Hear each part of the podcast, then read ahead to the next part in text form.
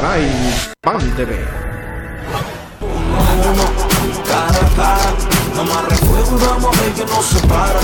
Hace unos días salió un anuncio eh, diciendo que iba a hacer un cara a cara de nuevo. Eh, cara a cara, frente a frente otra vez. Saludos. Este pasado fin de semana se ha celebrado la Festa dos Libros. De ese elenco de escritores que han participado, hemos pedido a David Neira que se acercara hasta Pontevedra Viva Radio para conocer mejor a la persona, al escritor y a su último libro. Mm, Bienvenido, lo primero, David. Muchas gracias. Lo, lo segundo, dos preguntas que, que yo me hacía cuando tuve ocasión de empezar a, a rebuscar para preparar esta entrevista. ¿Cómo lo leo? ¿363 TQ o 363 te quiero? Intuyo. Ese, sí, hoy ha sido la pregunta... Estrella, ¿no? Poco Eh, sí, original soy. Es que mm, yo no sé si sabes la referencia, bueno, te lo digo, la referencia de Murakami, que tiene un libro que es una emulando al 1984 y lo llamó 198Q, Ajá. que para ellos la Q, bueno, pues es una adaptación de ese 4, entonces es un juego de letras. Eh, en principio esta obra, como iba a ser un recopilatorio de, de prosa poética, iban a ser 365 Te quiero, pero luego cogió su propia vida y me pareció singular como una especie de matrícula o de, de- de- va a ser diferente a todos los títulos. Para llamarlo va a ser difícil. Sí. Y, Entonces- y- y entonces, una segunda cuestión que iba a ser la, la primera. Al, al ver este título, la primera pregunta que me vino a la cabeza fue, ¿qué pasa con esos dos días del año en que no hay te quieros? Sí. Eh, la obra, como todo, va cogiendo su vida a medida que la vas eh, fabricando, coge su propio ritmo.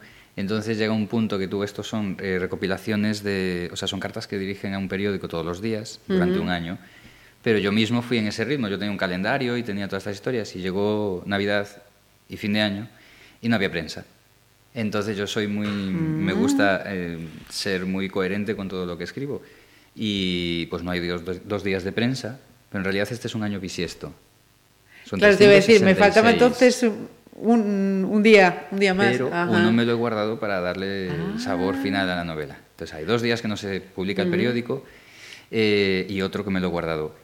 Luego aquí me han dicho que efectivamente que el Viernes Santo tampoco se hacía, Eso, por pero eso esto te es decía, París. al añadir, ah, vale, vale, entonces yo decía, ese que se guarda entonces será el tercero, pero mira tú que la respuesta estaba en esta profesión.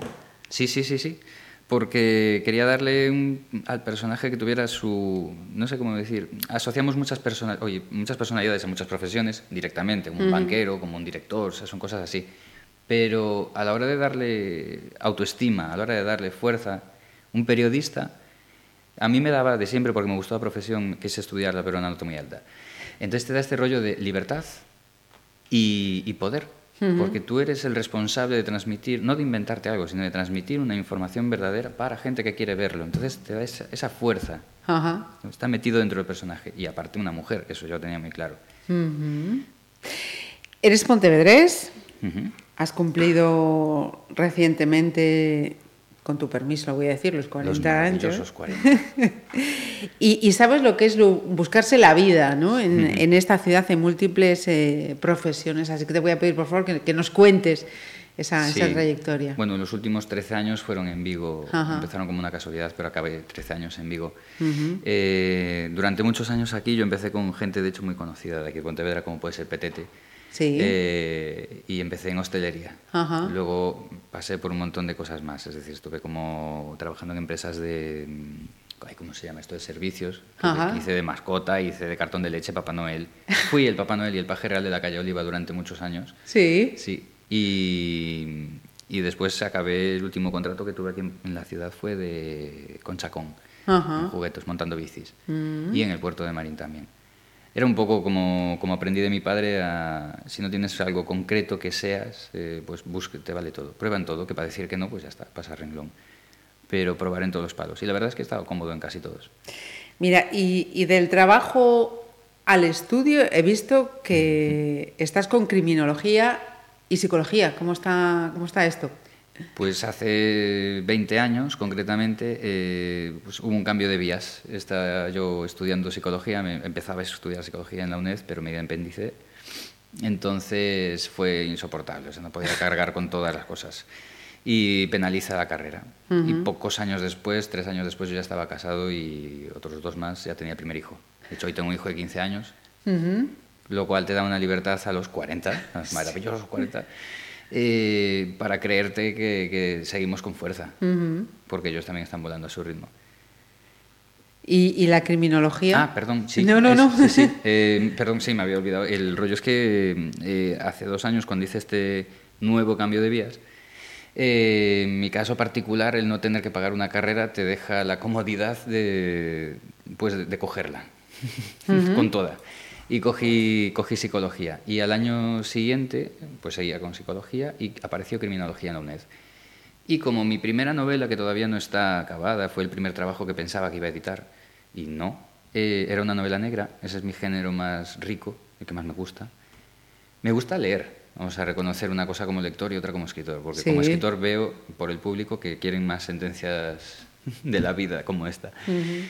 Y entonces apareció criminología y también me apunté, que bueno, no es lo que todos creemos, es mucho de derecho, pero sí que para, para un escritor amplía. Claro, dará muchas mucho. pistas, muchos mm. datos, muchas uh -huh, ideas.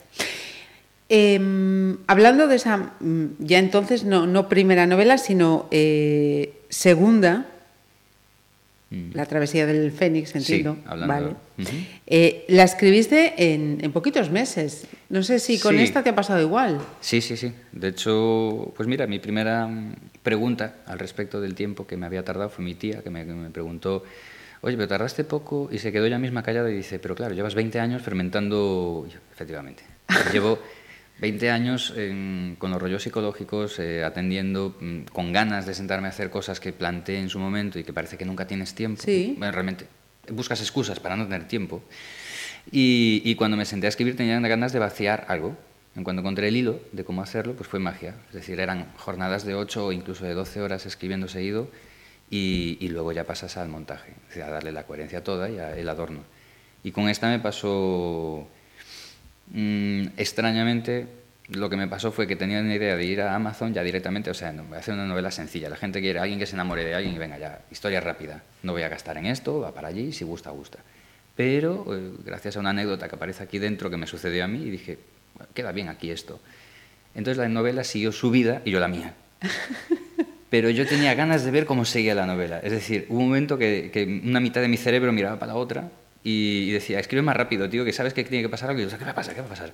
Era como una locura ahí extraña, pero que, te, que, es cuando dices tú, jo, esto de ser escritor mola. Uh -huh. Pero que está, que dices, esto es lo tuyo, es lo que te gusta hacer. Porque escribí en automático un montón de cosas. Uh -huh. Y eh, aquí tenemos a 363, es decir, acabó siendo un producto paralelo a mi vida con unos personajes diferentes a los de mi vida. Sí. Que yo mismo acabé de leerla, que sí suena extraño, pero, porque eres el que la escribe. Ese pero otro luego, 50% sí, de mí. Y cuando la acabé de leer el otro día, digo yo, coño, qué bien le va al tío. ¿eh? Uh -huh. O sea, al final esta historia está guay. Digo, déjame que me contesten los demás, a ver si piensan lo mismo que yo. Sí, gracias. pero sí. Pues eh, comparando esas, esas dos novelas, ya decías que tu tía te había dicho, llevabas tantos años ya mascando uh -huh. ese, ese, primer trabajo. Esa travesía del Fénix parte de, de, una muerte. En esta, mm, como ya nos adelantas, te pasas eh, al amor. Sí. Eh, y por lo que nos acabas de decir, no sé si reflejan eh, estados emocionales tuyos, del autor, una y otra. Es decir, si, si esas dos circunstancias motivan sendas novelas o... Cuando fue la travesía del Fénix no tenía muy claro qué era lo que iba a hacer. En, o sea, yo me hice un viaje, dejé mi trabajo, eh, empezamos a plantearnos un nuevo futuro escribiendo, pero todavía no estaba sentado a escribir. Lo que tenía eran trozos que salen en la travesía del Fénix. Tenía uh -huh. trozos, pero no tenían una conexión como novela, uh -huh. eran como relatos breves.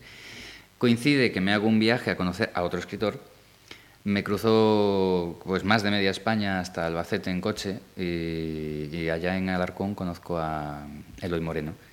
Eloy Moreno a día de hoy es, lo considero mi mentor porque de hecho le pregunto muchas de las uh -huh. cosas y mm, el conocerlo lo que trajo fue de rebote personajes. Es decir, yo paré en Madrid con una amiga, conocí a otra gente con unas experiencias de vida particulares.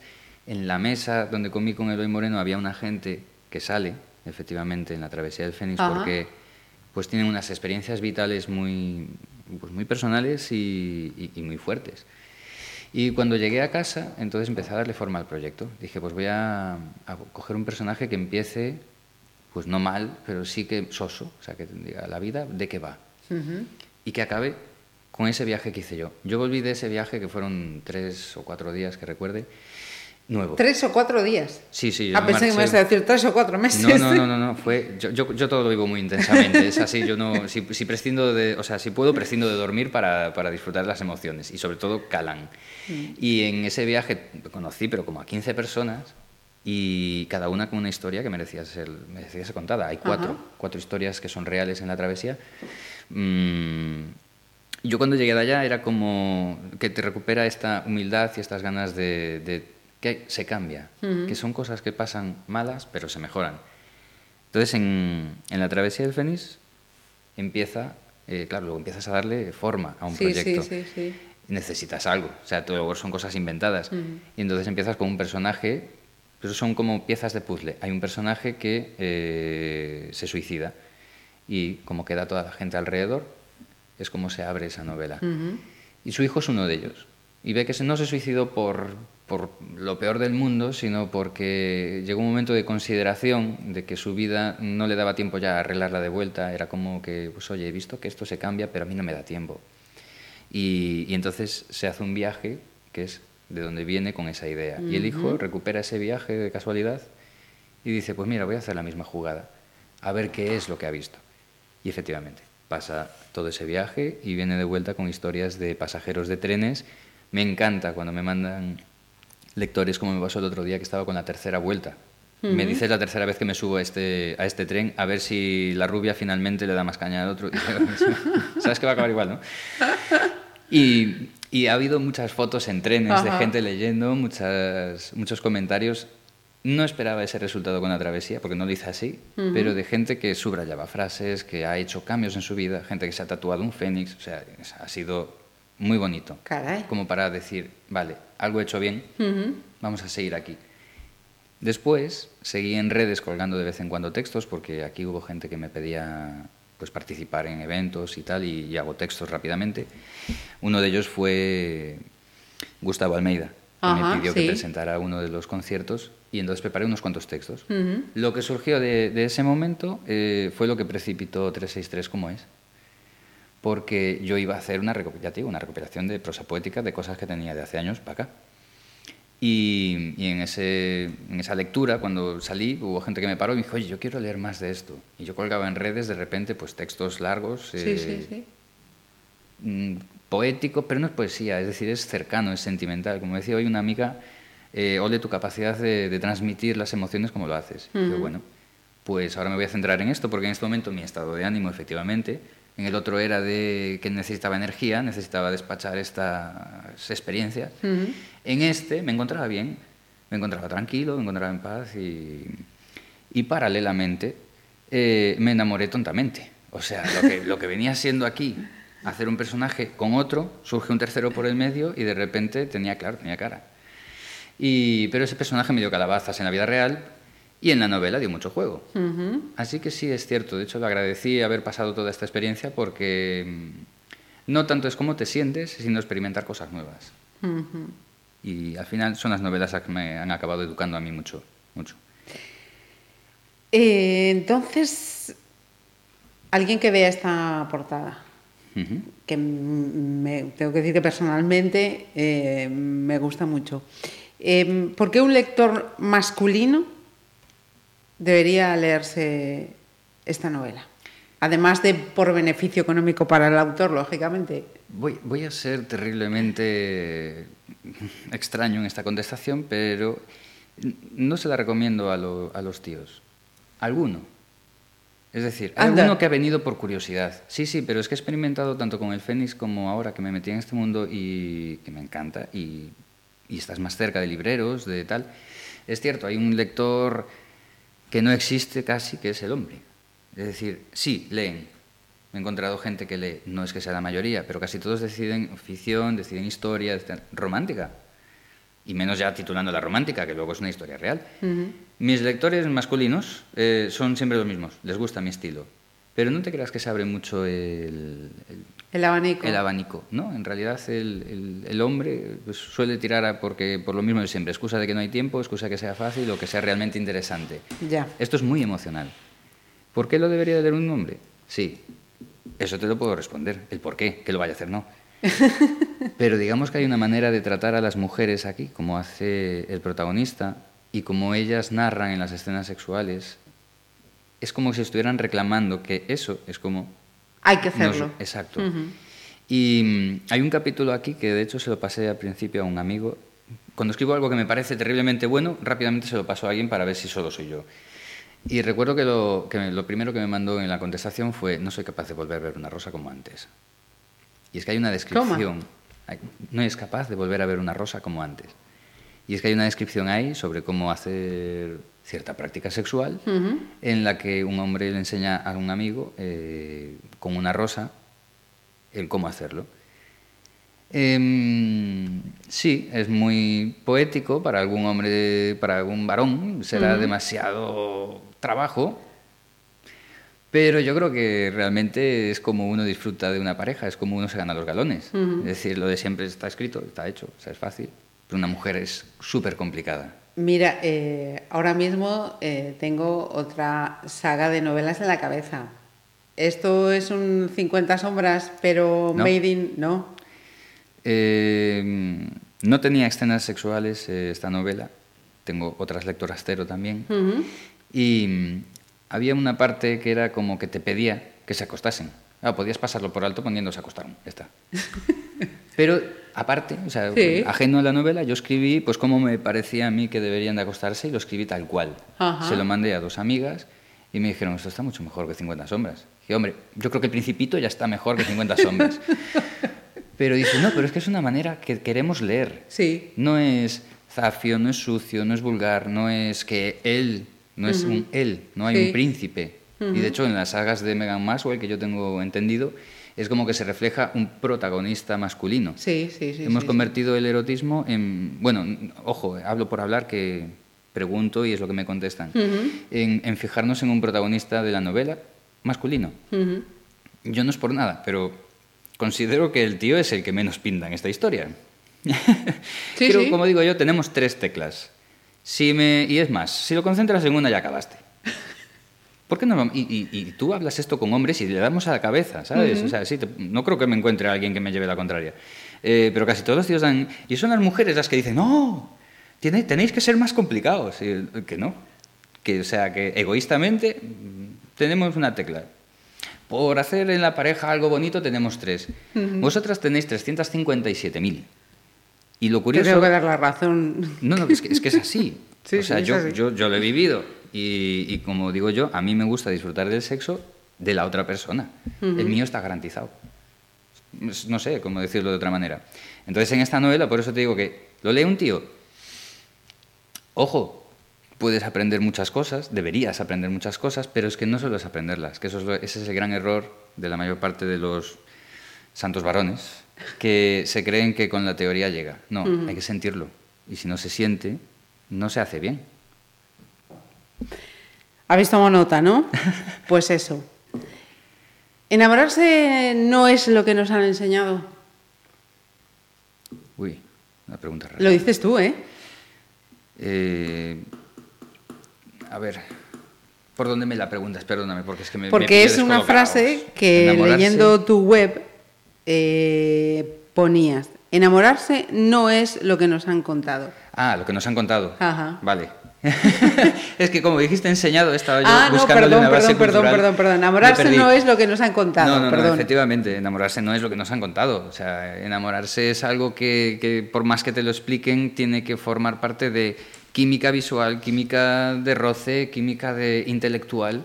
Eh, enamorarse no es coger un patrón de lo que tú crees que te dicen, oye, ¿cómo te gustan a ti las personas? Pues así, así, así. Entonces empiezas a buscar, habla así, perfecto, es así, perfecto. Y tal. Y entonces acabas soportando que te trate un poco por debajo de lo que querrías. Porque bueno, tiene cuatro de los tres patrones. No, Yo he estado enamorado de, de, podría decir en alto y francamente, tres personas que siguen en- seguirán siempre formando parte de mi, de mi amistad y de mis obras. Y cada una era diferente. Y créeme, había partes que no me gustaban, pero es que había partes que me superaban. Entonces, enamorarse no es lo que te cuentan. Ay, qué bonito es que está. Ay, no, enamorarse se acaba. Se acaba. Tienes que tener una cantidad muy alta de esos puntos para que y que sepas que tampoco estás obligado a estar siempre. Es decir, enamorarse parte de uno. Yo me quiero, conforme a eso atraeré gente, estaré Claro, con la el gente punto de ideal. partida. Exacto. Entonces, enamorarse no es querer a otra persona. Primero, enamorarse es quererse a uno mismo. Y aquí es de donde parte Marí. Por eso cuando hago la publicidad de, de este libro, eh, dice lo de a ella le enseñó una manera de amar que era el propio. Ajá. A la otra persona le enseñó otra que era el extraordinario. Que alguien se pueda, te pueda cortejar así, sin que tú digas nada ni ofrezcas nada. Y al resto de París le ofrece 363 maneras de hacerlo de otra manera, o sea, de otra forma. Háblame de tu amigo el fotógrafo que ha sacado esta estupenda portada. Manolo, Manolito. Eh, Manu es el propietario, creo que es el propietario en este momento de la, ¿cómo se llama? La tienda Maffer, que es una tienda de la ciudad que venden eh, material de cocina. Ajá. De hecho, cuando hemos sacado las fotos, siempre me decían, no, vámonos fuera, que no vamos a salir con tarteras y todo detrás, ¿no? Porque esto es un fregado. A Manu lo conozco, pues eh, fíjate que fue a través de mi mujer, mi exmujer, eh, lo conocí de cerca pues hace 20 pico años. Eh, como es un vecino de la zona, nos vemos seguido y yo sé que es fotógrafo y tiene unas... Ojo, que la- el tipo de fotografía que saca Manu es muy rollo negro, de hecho es Dark Memories, es, transforma fotografías en Ajá. ambientes muy sangrantes, muy oscuros, muy tenebrosos, pero preciosos. ¿Qué pasa? Que, bueno, eh, no era el, el- el momento de darle ese toque aquí a la novela, que conste que a los carteles, sí. Me he hecho carteles He con visto una algún- mano Sí, en tu perfil de Facebook, Sí. efectivamente. Ahora que me preguntaban por qué si era una novela romántica. Y digo yo, ya, pero que primero miras para el cartel. Sí, sin duda. Pues eso es marketing. Ajá. Y luego lees debajo que es una novela de otro calado. Bueno, pues lo primero lo que has hecho es fijarte. Entre encima de los demás carteles, te has fijado. Bueno, pues Manu se dedica de manera para él Ujú. a hacer este tipo de fotos. Así que contacté con él y dije, oye, mira, tú, pues qué menos que, que alguien que sepa manejar una cámara. Pero fíjate cómo ha sido esta portada, que yo de verdad que lo quiero un montón, porque mi idea en mi cabeza y mi móvil está lleno de, de pruebas. Era una cámara mm, deshecha completamente, con el baúl abierto, saliendo sobres, o sea, era una imagen un poco más de, de- de noche de sexo, que vas a hacer la maleta o que la deshaces, era esa idea. ¿Qué pasa? Que Manu le di el material para hacer esto y él utilizó los medios que tenía ese fin de semana al alcance, que era su propia cama, Sí.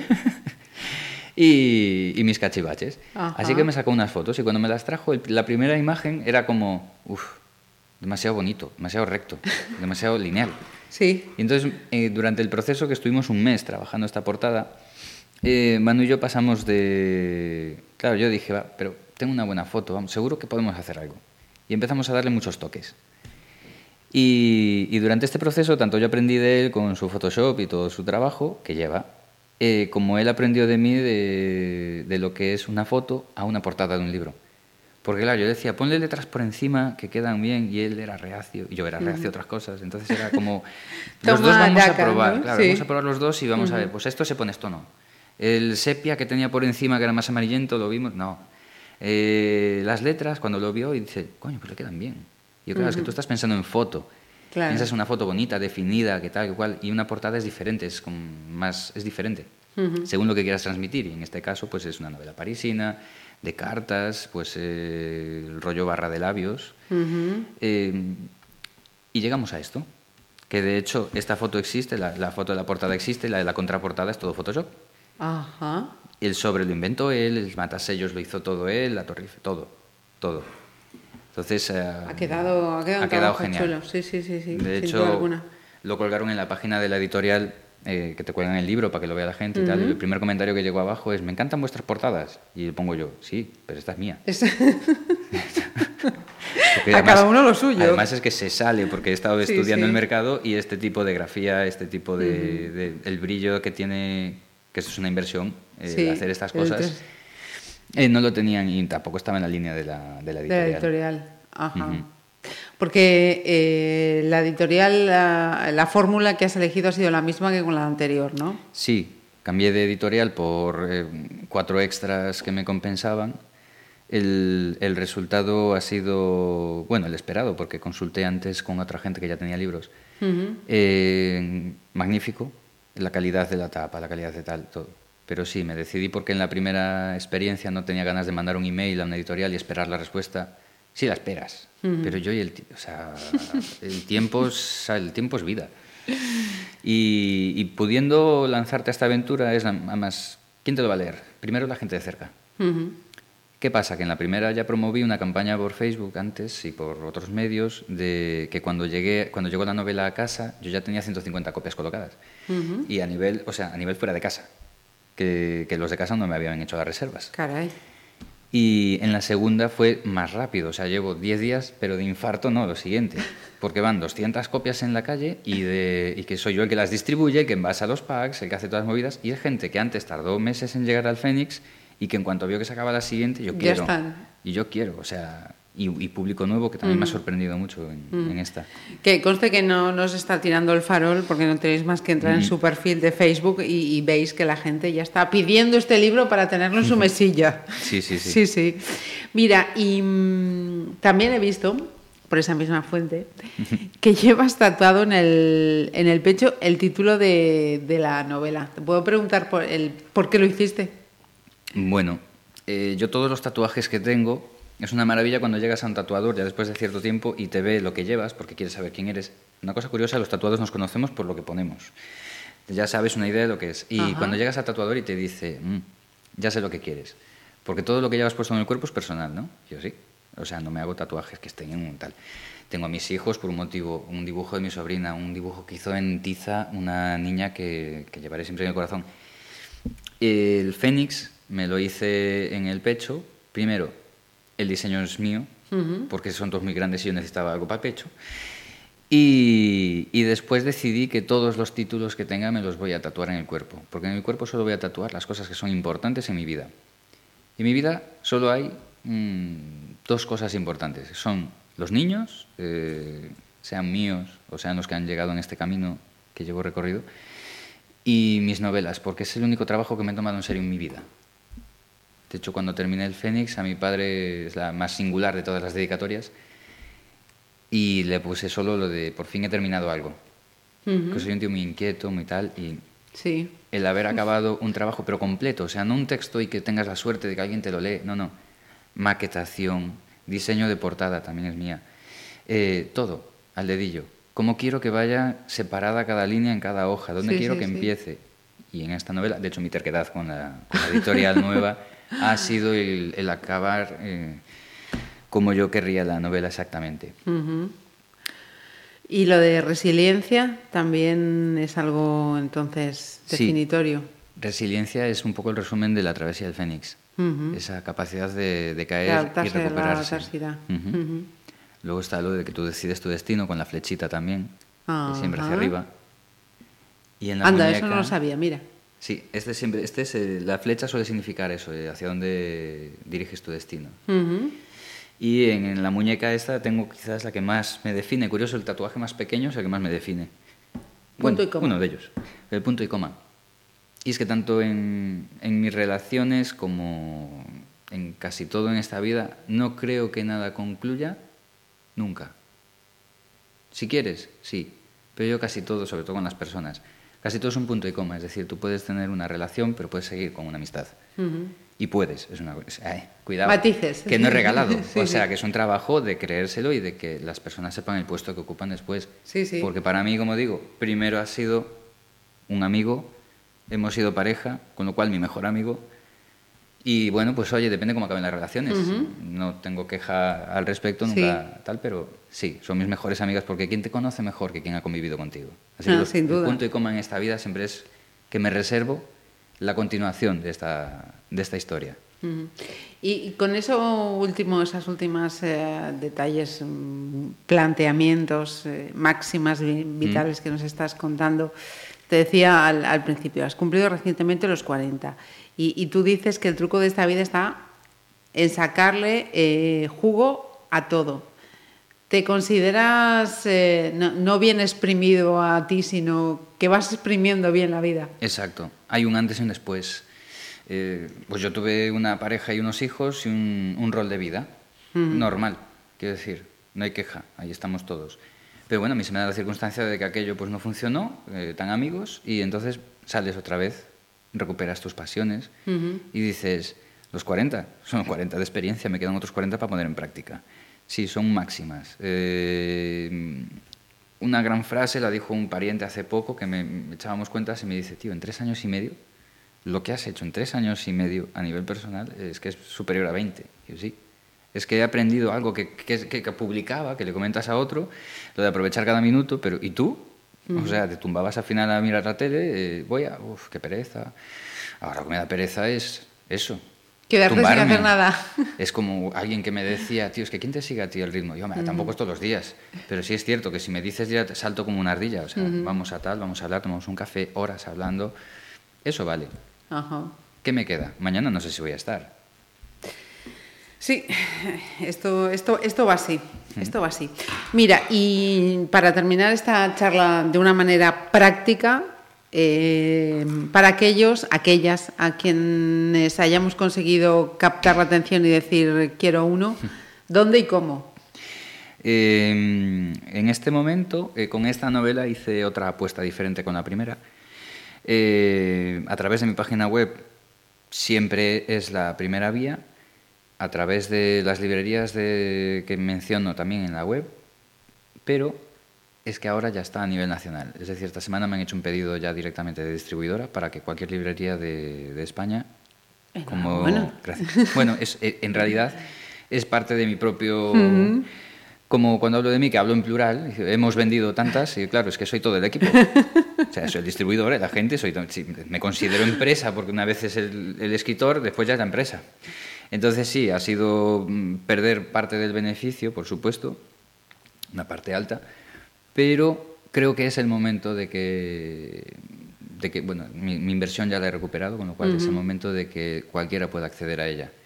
Eh, me sale más barato quizás en este momento que la vayas a buscar tú una librería en Barcelona que enviarla, porque al final es tiempo que yo pierdo real, eh, es dinero que se va en envíos. Claro. Y bueno, pues es una, plantearte la inversión, saber cómo va. Y nos falta, has dicho la web, pero no hemos dicho Ajá. cómo conducirlos. Eh, como mi nombre y apellido es www.davidneira.com. Pues ya sabéis, hemos eh, tenido una charla más que interesante. Os dejamos esta recomendación para que aprendáis. Y David, que mm, no va a ser la última vez que charlemos contigo porque fuera de micrófono hablábamos de, de- de los gustos y, y- y vocación musical que también tiene. Así que será, tiene bastantes papeletas para que lo podáis seguir escuchando en una playlist. De momento, David, ha sido un gustazo conocerte y mucha suerte con esta novela. Muchas gracias. Yo quiero decir la última. Sí, por favor. La, la última, no, la penúltima palabra. Eh, eh, cada novela tenía un, un lema. La primera era que nada es lo que parece. Es una lectura que haces de la primera novela y en esta es eh, algo que he experimentado en esta temporada.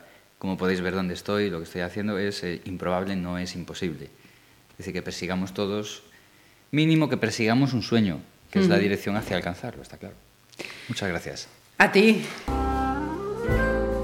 París. La joven reportera Marie se ve relegada a la sección de cartas al director para evitar el despido tras la reestructuración eh, del diario Le Clé. Al mismo tiempo, rompe con su estilo de vida, deshace su matrimonio y comienza un errático camino.